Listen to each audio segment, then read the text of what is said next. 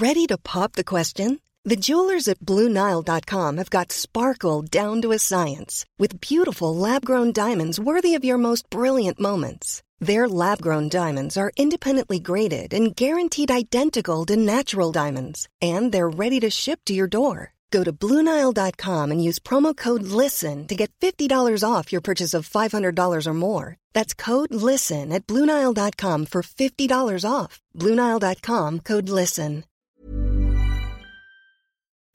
Att spela in sig själv, det är bra när man håller på med pod, podcast. Mm. Säger du podca- att du ska lyssna på en podd eller att du lyssnar på en podcast? Podd. Poddelipodd. Och just Utrikespodden är din favoritpodd av alla poddar som finns. Ingen annan. Bästa båden. Bästa Bästa podden.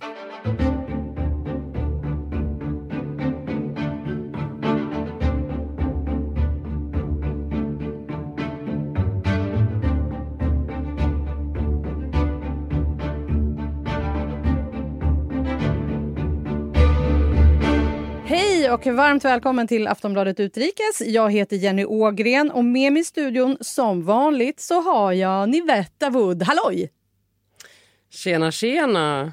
Hur intresserad är du av fotboll? Alltså jag skulle ändå säga att jag är mer intresserad av fotboll än av hockey. Och då kommer jag ju ändå från hockeystaden Huskvarna. Så att eh, där är väl min nivå. Men jag är väl liksom en sån här eh, Eh, vad heter det, medgångssupporter framför allt. Ja, men det är härligt. Men då fattar ni att eh, ni som lyssnar nu, varför pratar de om fotboll när det ska handla utrikes? Jo, därför att i förra veckan så blev det nämligen klart att Newcastle United, ett fotbollslag i Premier League i England, köps upp av PIF, en saudiarabisk investeringsfond. Affären har varit på gång en ganska lång tid och har stoppats tidigare, men nu är den alltså ett faktum. Newcastle är ett sånt där lag som inte haft några större framgångar sedan typ 1950-talet när de som senast vann FA-cupen. Eh, de kämpar ofta i botten av tabellen och har också haft en ägare som fansen varit extremt missnöjda med. Men nu har alltså den här investeringsfonden köpt klubben för 3,7 miljarder kronor och det gör Newcastle till en av världens rikaste klubbar. Det har varit mycket kritik från många håll kring den här affären. Bland annat så har Amnesty uppmanat själva Premier League att säga nej till affären. För i den här fondens styrelse så sitter ingen mindre än kronprinsen i Saudiarabien, Mohammed bin Salman, som också ju är misstänkt för att ligga bakom mordet på journalisten Jamal Khashoggi 2018. Sportswashing har det också snackats om i många år nu, vilket handlar om att en stat eller till exempel ett företag köper in sig i en idrott för att tvätta sitt rykte. Är det just det här som Saudiarabien håller på med nu? I det här avsnittet så ska vi ta och snacka om vad Saudiarabien försöker göra med sitt köp av Newcastle, hur landet också köper in sig i andra aktörer för att verka modernare, trots att landet ständigt anklagas för brott mot mänskliga rättigheter. Vi ska börja med att snacka med vår fotbollsreporter i London, Frida Fagerlund, som får hjälpa oss med allt kring fotbollsfrågorna. Stockholm calling London. Hello Frida! Hello, good morning. Vad säger du om den här affären? Ja, vad säger man? Var ska man börja? Det är ju en... Ah, alltså det är ju en remarkabel köp på så vis att jag tror inte att vi kommer att få se, eller vi har inte tidigare sett en, ett övertagande där någon kliver in på det här sättet och helt plötsligt så går en klubb från att vara ganska ja, men, halvdagen ekonomiskt till att bli världens rikaste fotbollsklubb. Eller det är klart att vi har sett det tidigare, men när det nu finns aktörer som Man City och Qatar på marknaden så blir det förstås ännu mer på, påtagligt när någon kliver in och faktiskt brädar dem. Och det är ju då med, med om vi förutsätter då att Saudiarabien är inblandad i den här affären, vilket de själva hävdar att de kanske inte är trots bin Salmans kopplingar då till PIF, The Public Investment Fund. Men det är väl klart att man kan inte blunda för att det finns väldigt starka kopplingar mellan PIF och den saudiska regimen. Så just därför så är det såklart eh, en oerhört eh, häpnadsväckande affär. Men du, den här affären var ju på gång redan för typ ett år sedan och sånt där. Men då blev det en konflikt kring det här Bean Sports. Kan du förklara detta? Ja men exakt, det är ju detta som blir så himla intressant för att Premier League hävdar ju att anledningen till att köpet har dragit ut på tiden eller det som de invände mot hade att göra med bin Salmans kopplingar då till PIF. Men de flesta, inklusive jag själv, tror väl snarare att det berodde desto mer på Bain Sports. Och det var väl ungefär 3-4 år sedan som Qatar och Saudiarabien hamnade i en sorts konflikt där Saudiarabien eh, ja, men förbjöd Bain Sports exempelvis, exempelvis att sända eh, sportsrättigheter sporträttigheter i Saudiarabien. Bain Sports ska ju sägas är ett av världens största sändande bolag. De har eh, hela marknaden i norra Afrika och Mellanöstern och är en av Premier Leagues absolut största samarbetspartner. Och det Saudiarabien gjorde var i stort sett att knycka Bain Sports feed så de fortsatte att sända Bain Sports sändningar, men utan att betala. Och detta var ju någonting som Premier League var fullt medvetna om och försökte sätta tryck på Saudiarabien att sluta göra det här, vilket Saudiarabien då inte gick med på. Så att anledningen nu till att 24 timmar innan det här köpet gick igenom, att Saudiarabien helt plötsligt hör av sig till Qatar och säger att nej men vi, vi kan nog tillåta Bain Sports ändå att, att eh, ja, ta sig in på den saudiska marknaden. Och vi ska se till också att eh, motverka piratsändningar hädanefter. Jag tror inte det är en slump att det kom 24 timmar innan det här övertagandet gick igenom. Så att även om Premier League hävdar att det har att göra med att de inte var riktigt säkra på hur pass inblandad bin Salman var i PIF, så tror jag definitivt att det är, det, det är Qatar som har varit eh, den slutgiltiga faktorn till att det faktiskt gick igenom till slut. Ja, för Bein Sports är alltså ägt av Qatar? Precis. Um, och det är samma, det var inte bara Bain Sports de hade en konflikt med Saudiarabien utan det var även andra statliga verksamheter som Qatar Airways exempelvis. Så att, och, och det där är ju lite grann också att eh, hur mycket är nationerna inblandad i de här eh, ja, men public investment fond nu exempelvis. Alltså hur mycket har Saudiarabien med det att göra? Abu Dhabi Group är, är likadan som äger Manchester City. Hur inblandad är egentligen kungafamiljen där i Man City? Vi vet inte riktigt för att det är alltid någon annan de, de skjuter fram. Att, nu har ju PIF exempelvis skjutit fram Amanda Stavely som är en brittisk affärskvinna, eh, född och uppvuxen i Yorkshire någonstans. Och då blir det ju som att humla frontfigur för Newcastles nya ledning. Lika, liksom att det finns andra frontfigurer, det är väl Sheikh Mansour i, i Manchester City exempelvis. Så att man vet inte riktigt hur sammankopplade regimerna är med fotbollsklubbarna. Men det är klart att man inte kan blunda för att det antagligen är så att de är väldigt involverade. Och sen var det också så Frida att Amnesty ville ju att Premier League skulle säga nej till den här affären. Hur, hur kommer det sig? Oh, nej men det har ju, jag tror väl att mycket har att göra med journalisten Khashoggi då som du nämnde här i introt, eh, där FN slog fast 2019 att Saudiarabien låg bakom mordet på honom och det var väl på konsulatet i, i Istanbul där. Och det har ju spett på ännu mer kring det här med mänskliga rättigheter och det är väl klart att det är ju, det är ju känsligt kring fotbollen, för fotbollen är en, en arbetarsport som har kommersialiserats stenhårt eh, på sistone. Det var väl egentligen Roman Abramovic, ryske oligarken, som var först ut när han köpte Chelsea att ja, men på något sätt bli den här stereotypen av en rik ägare som pumpar in pengar.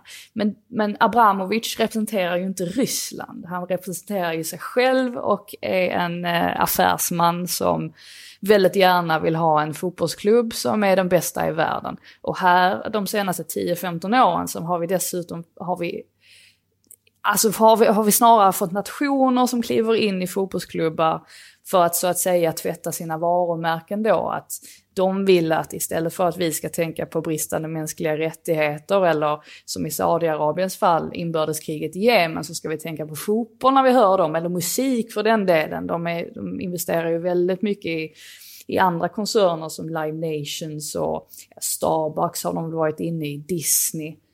Um, det är ju det sportwashing är och det har vi absolut fått se, fått se mer av de senaste 10-15 åren. Men hur är det egentligen med sportswashing? Eh, varför använder man det liksom? Alltså för det första så, det är ju många som tror att sportwashing att det är någonting nytt, men det har ju förekommit i, i alla år. Mycket, exempelvis när ett land får en eh, turnering eller ett mästerskap. Alltså det kan vara ett sätt att, eh, alltså kring sportwashing, vi har ju ett kommande, kommande VM i Qatar nästa år som är ett ypperligt exempel på det också, där man liksom vill vända, vända blicken mot någonting annat eh, än mänskliga rättigheter eller annat då kanske som pyr under ytan i just den nationen. Men just inom klubbfotbollen så, så är det ju ganska nytt ändå får man säga. Eh, klubblagsfotbollen i England i alla fall.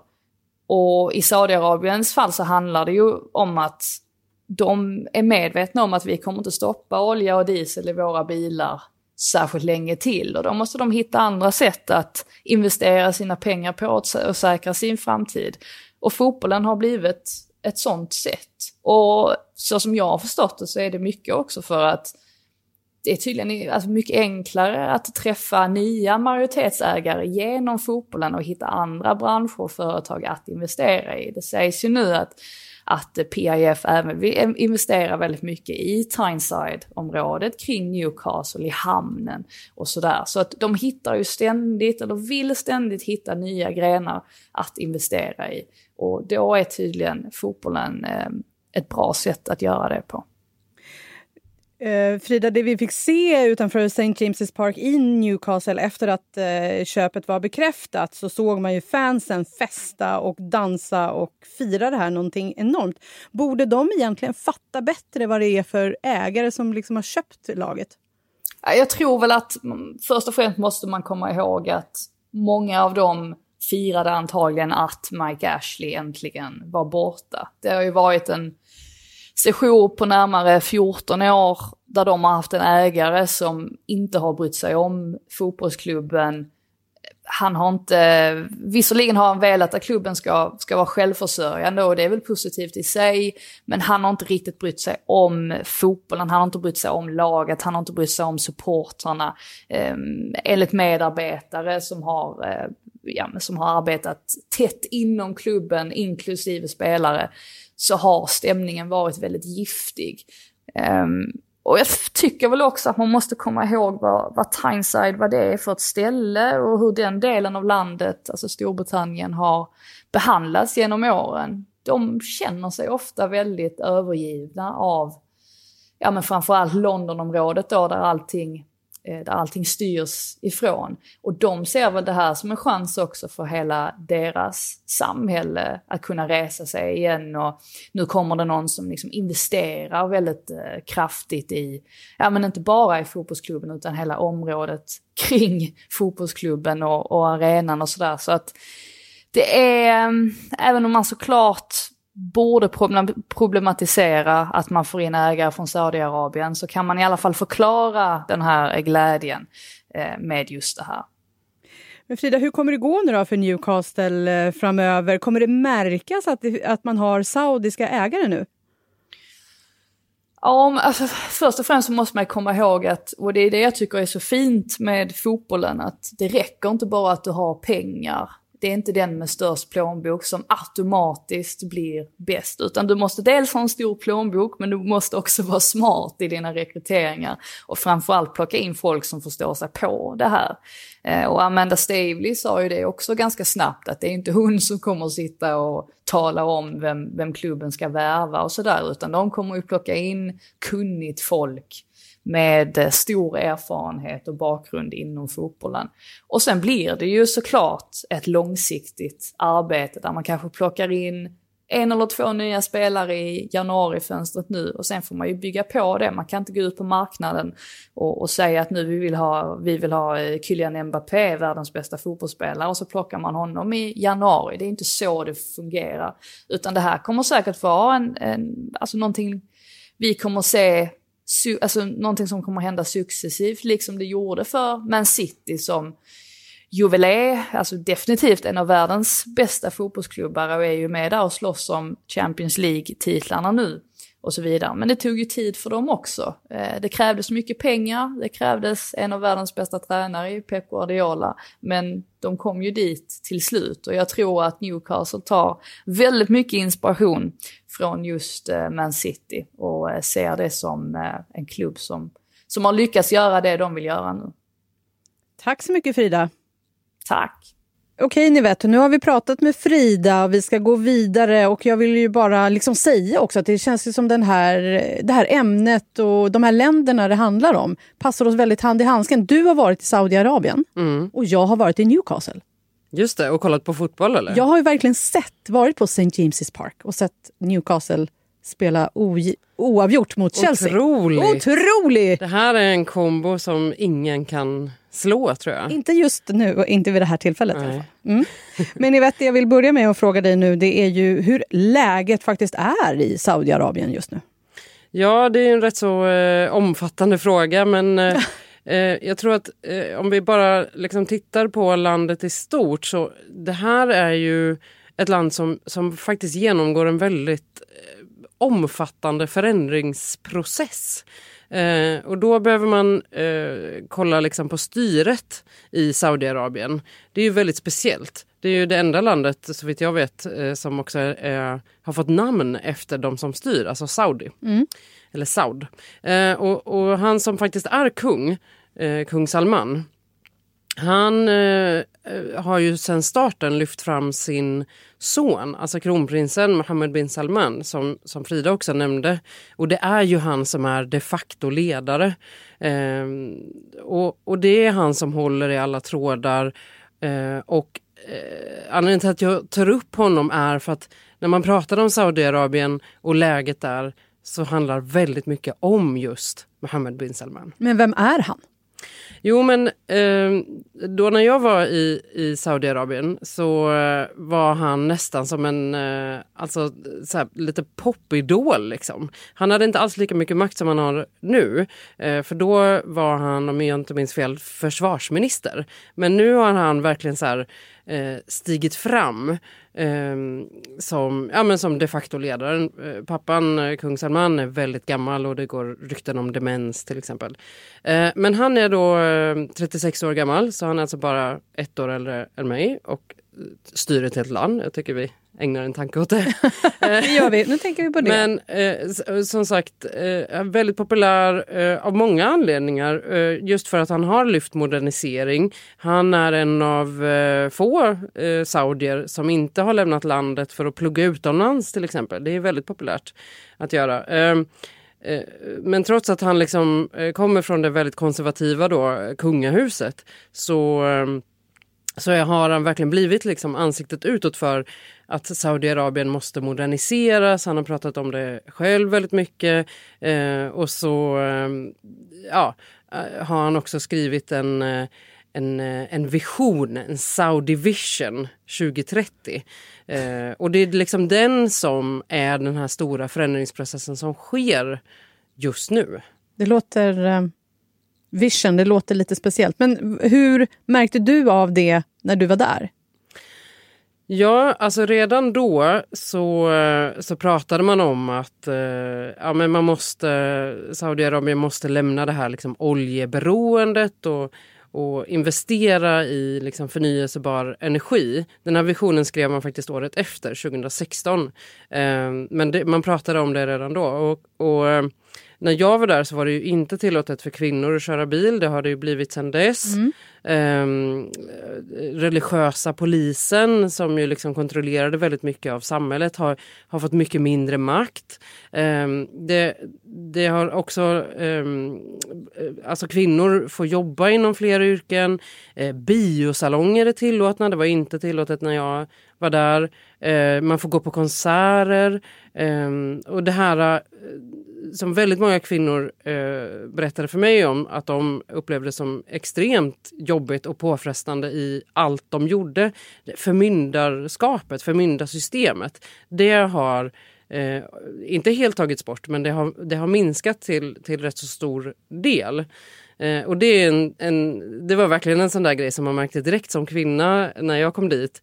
Eh, och vi bara skulle göra en så enkel sak som att eh, köpa simkort till telefonen. Mm. Eh, dels så fick vi ju inte gå in genom eh, alltså i såna stora gallerior eh, genom den vanliga porten utan det var ju en, en kvinnoingång. Och sen så fick vi inte göra en så, en så stor och viktig sak som att köpa ett simkort utan då fick vi till slut eh, Eh, be våran taxiförare att gå in som man och köpa simkort. Så att, det är, ju en, det är ju en pytteliten sak jämfört med det här förmyndarsystemet som gör att kvinnor är väldigt osjälvständiga. Eh, men det är bara en sån här, det är så talande liksom, historia. Mm, men all, eh, det låter ju lite sjukt för oss som bor här i Sverige och vi vet vad vi kan som kvinnor göra. Men de här förändringarna nu som man har gjort i landet, har det på riktigt blivit någon skillnad för kvinnor? Ja, men det här är ju lite tudelat eller man ska säga. För att Alltså, de här, det finns ju väldigt många kritiker förstås till Mohammed bin Salman och styret i, i Saudiarabien och de brukar ju konstatera att de som har kämpat hårdast för kvinnors rättigheter, till exempel de här kvinnliga aktivisterna som körde bil trots att man inte fick, eh, de har, alltså samtidigt som en stor grupp kvinnor har fått det bättre så har just de faktiskt fått det sämre. För samtidigt eh, som man eh, presenterade de här eh, lättnaderna liksom, och, och, ökade rättigheterna för till exempel kvinnor så eh, har man också ökat eh, jakten på alltså människorättsaktivister. Fler har fängslats. Eh, och, och, även personer som, som jag träffade som var, hyllade liksom bin Salman och verkligen trodde på att han var framtiden. Eh, de har eh, ju egentligen inte kritiserat ledaren men för att de var aktivister, för att de ville ha en bättre framtid så har eh, flera av dem straffats väldigt, väldigt hårt. Sen är det ju så, vi vet ju också att Saudiarabien är ett av världens mest förtryckande länder. Ja, alltså, och det ska man verkligen eh, komma ihåg. Saudiarabien är ju ett av de mest repressiva länderna i världen. Och en, en sån där person som faktiskt eh, från början egentligen hyllade eh, Mohammed bin Salman och att, att han kommer liksom ta Saudi in i framtiden var ju den här journalisten som vi har pratat om, Jamal Khashoggi, eh, som sen ja, men ruttnade kan man säga på bin Salmans eh, väldigt repressiva styre med ena handen och liksom frihetsvurmande med andra handen. Eh, och, och eh, det är, ju, det är ju det mest kända exemplet. Det finns ju jättemånga dissidenter som har fängslats och, och som har drivits ut ur landet. Eh, och, och där, det ska också sägas att det saudiska kungadömet har ju aldrig eh, velat ta på sig det här mordet men eh, som vi har nämnt så, så pekas man ju ut av både till exempel amerikanska CIA men också av FN som eh, högst ansvarig är ju att det är kronprinsen, kronprinsen bin Salman som är högst ansvarig. Liksom. Finns, eh, finns det på fler sätt som det yttrar sig att Saudi är så förtryckande?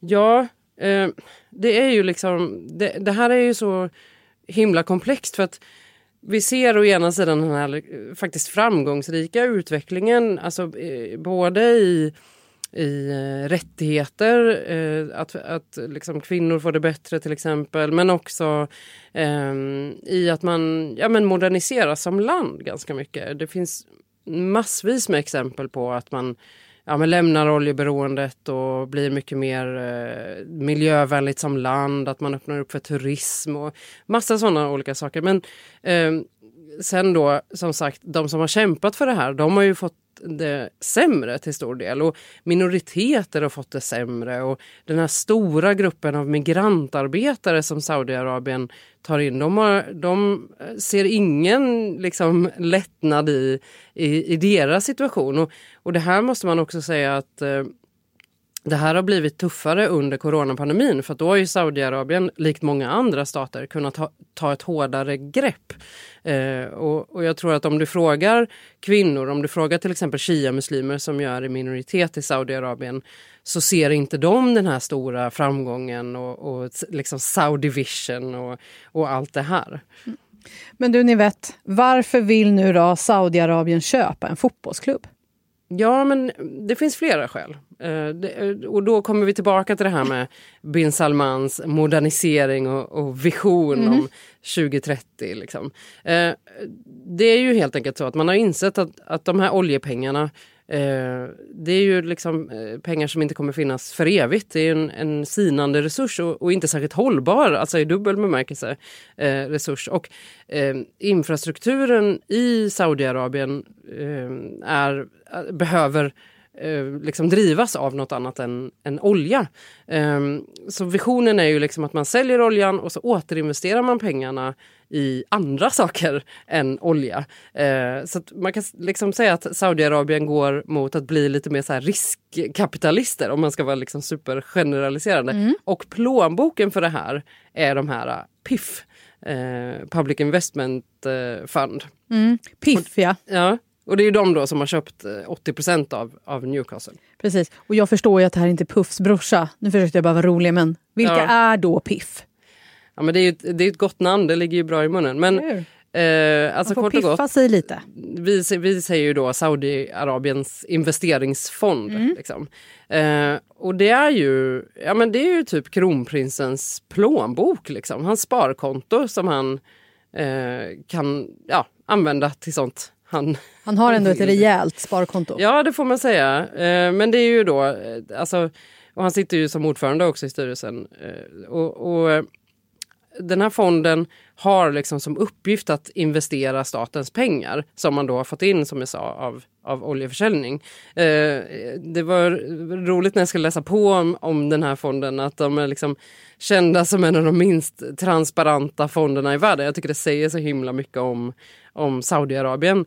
Eh, och eh, med den här visionen som bin Salman skrev så fick ju den här fonden också mer makt. Så man kan göra nästan lite vad som helst med de här pengarna. Alltså de här ministrarna som ju också är prinsar eh, som sitter i den här styrelsen.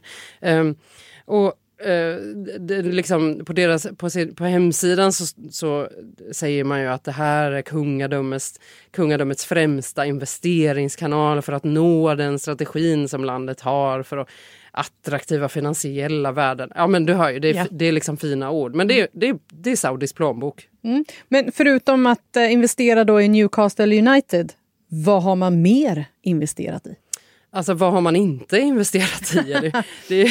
inte i min plånbok. Nej, Mitt eller... sparkonto är... Ja, alltså det beror på hur man ser på det faktiskt. För att, mm. alltså, dels har man ju också, vi ska inte glömma det, alltså andra länders infrastruktur eller man ska säga just det här att man inte ska vara oljeberoende. Eh, men också eh, på olika områden där bin Salman har sagt att han vill modernisera.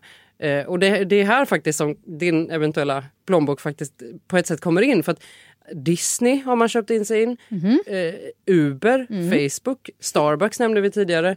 Eh, Live Nation passade man på att eh, köpa en rätt stor del av när företaget ju eh, hade det tufft under coronapandemin eftersom ingen gick på konserter. Pfizer som ju läkemedelsbolaget som har gått som tåget sen man eh, tog fram ett coronavaccin. Och, och, nu låter det ju som att, ja men vilken härlig liksom, eh, innovativt mhm. statskonto med jättemycket pengar. Men då ska man också vara medveten om att eh, det här eh, mordet på Khashoggi, där har Pifs pengar också använts. Eh, det finns domstolsdokument till exempel som visar att man använde pengar från den här fonden både inför, alltså när man planerade det här mordet som, som ju som sagt bin Salman inte har velat ta på sig, men eh, till, till exempel att man köpte flygplan eh, eller jetplan alltså privatjet som eh, de här olika mördarna fick åka med. Eh, men sen också att man anlitar en konsultfirma för att städa upp det här fruktansvärda ryktet som man ju fick eh, efter att, att eh, Turkiet och sen resten av världen pekade ut Saudi som ansvariga för mordet. Men vad betyder det här egentligen för oss vanlisar? Behöver vi bojkotta till exempel Facebook och Uber och Disney och köpa kaffe på Starbucks? Ja, eh, det är lite svårt du? för mig mm. att säga såklart. Mm. Det är ju det egna ansvaret. Men jag tycker nog att man ska vara medveten om vilka det är som pumpar in pengar. Eh, och, och, det kan man ju faktiskt säga om fler länder. Det, nu pratar vi om Saudiarabien men jag menar man kan ha synpunkter på att eh, Facebook har väldigt liksom, stor makt över våra eh, sociala medier-användande eh, och var de delar den informationen med till exempel USA eller Eh, man kan ju ha synpunkter på kanske arbetsvillkoren för Starbucks kaffebönder. Eh, det man eh, också eh, kan lyfta i just den här frågan det är ju att med det här köpet eh, alltså när, när Piff köpte Newcastle, mm. så, så kom en väldigt tydlig markering. Och Premier League har ju varit väldigt tydliga med eh, att lyfta fram att det här var det som gjorde att vi faktiskt kunde genomföra det här köpet. Och det är att, att saudiska staten, som ju påstår att de inte alls har kopplingar till PIF, vilket ju är ärligt talat bullshit. Men eh, saudiska staten får inte lägga sig i klubbens angelägenheter. Om det nu blir så, det återstår ju att se. Ja, det kommer vi få se. Eh, när, vi, när vi pratade med Frida tidigare så pratade vi om det här med Be In Sports-grejen. Att Saudiarabien vägrade sända kanalen och använt en egen streamingtjänst för Premier League-matcher. Eh, och att det var främsta anledningen till att Newcastle-köpet inte blev av förra året. Nu har köpet alltså blivit av. Så då undrar vi, konflikten med Qatar, vad grundar den sig i? Ja, det här är ju en av, jag ska säga, en av de mest märkliga konflikterna i eh, nutid. Eh, det var sommaren 2017 eh, så var det liksom flera länder, framförallt då Saudiarabien, som bröt sina diplomatiska förbindelser med Qatar.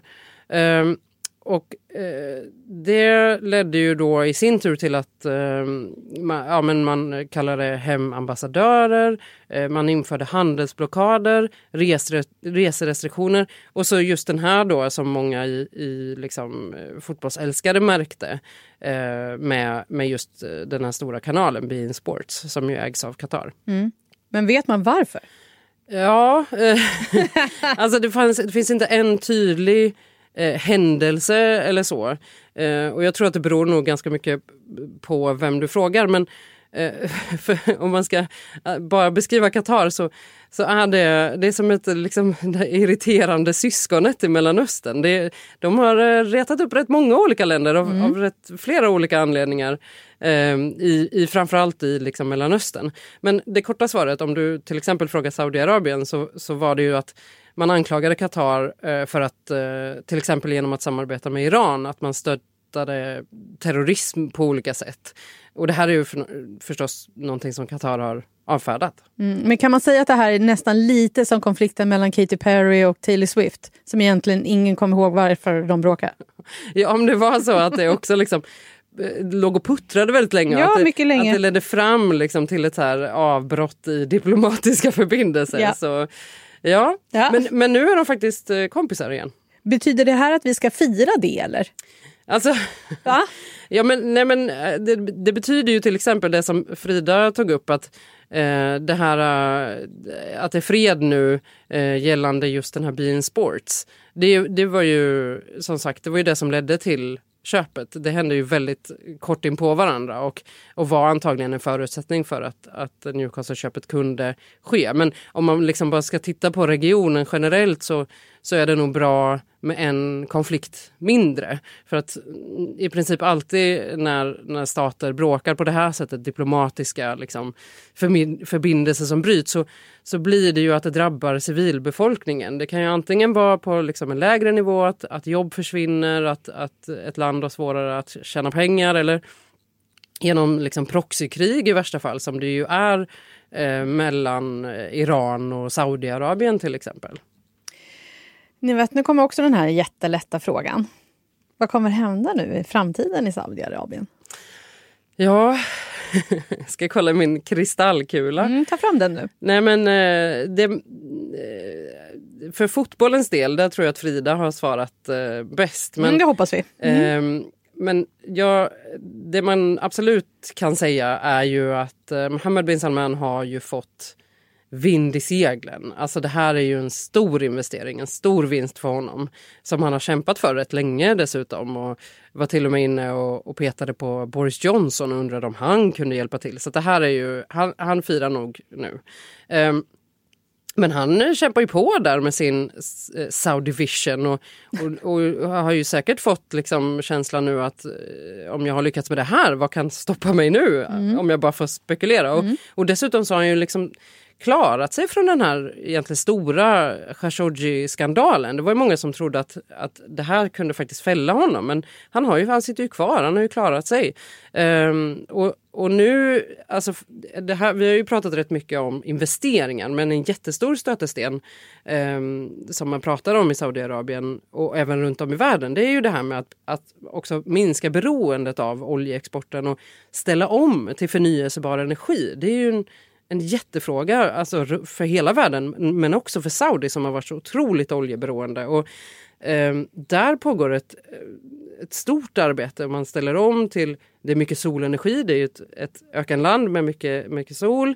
Eh, vattenenergi, man har lovat ganska stort eh, för G20-länderna om att man ska eh, få ner sina, sina utsläpp. Och, Eh, målet är ju då i den här visionen att 50% av energiförbrukningen ska komma från förnyelsebara källor till 2030 och det är ju det är rätt snart alltså. Mm. Eh, man har, man har en planer på någon futuristisk megastad som ska drivas på 100% förnyelsebar energi. Eh, och det ska ju liksom öka turismen och det ska också öka handeln med Saudi. Så att, bin Salman har fullt upp alltså, och nu har han liksom fått ännu ett plus i kanten med det här, eh, jätte, med det här jätteköpet liksom, av Newcastle. Vi får se helt enkelt vad som händer med både Newcastle United och med Saudiarabien. Det, vi är klara för idag, ni vet. Ja.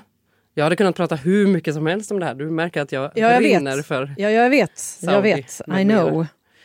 Eh, men du, Tack för också, inte tack för du. Eh, du som har lyssnat, tack för att du har lyssnat på Aftonbladet. Dig, tack för mig. Du som har lyssnat, tack för att du lyssnar på Aftonbladet Utrikes. Ifall att du vill lyssna i fatt på gamla avsnitt så hittar du dem såklart där du hittar poddar och så kan du följa oss där. Trycka på prenumerera-knappen så missar du inte när nästa veckas avsnitt kommer då nästa vecka. Jenny Ågren, kommer det nästa vecka? Vecka? Eller? Nästa vecka. Nästa vecka. Nästa vecka. Mm. Jenny Ågren och Nivette Wood säger tack för idag. Slut för idag. Hej då! Hej då!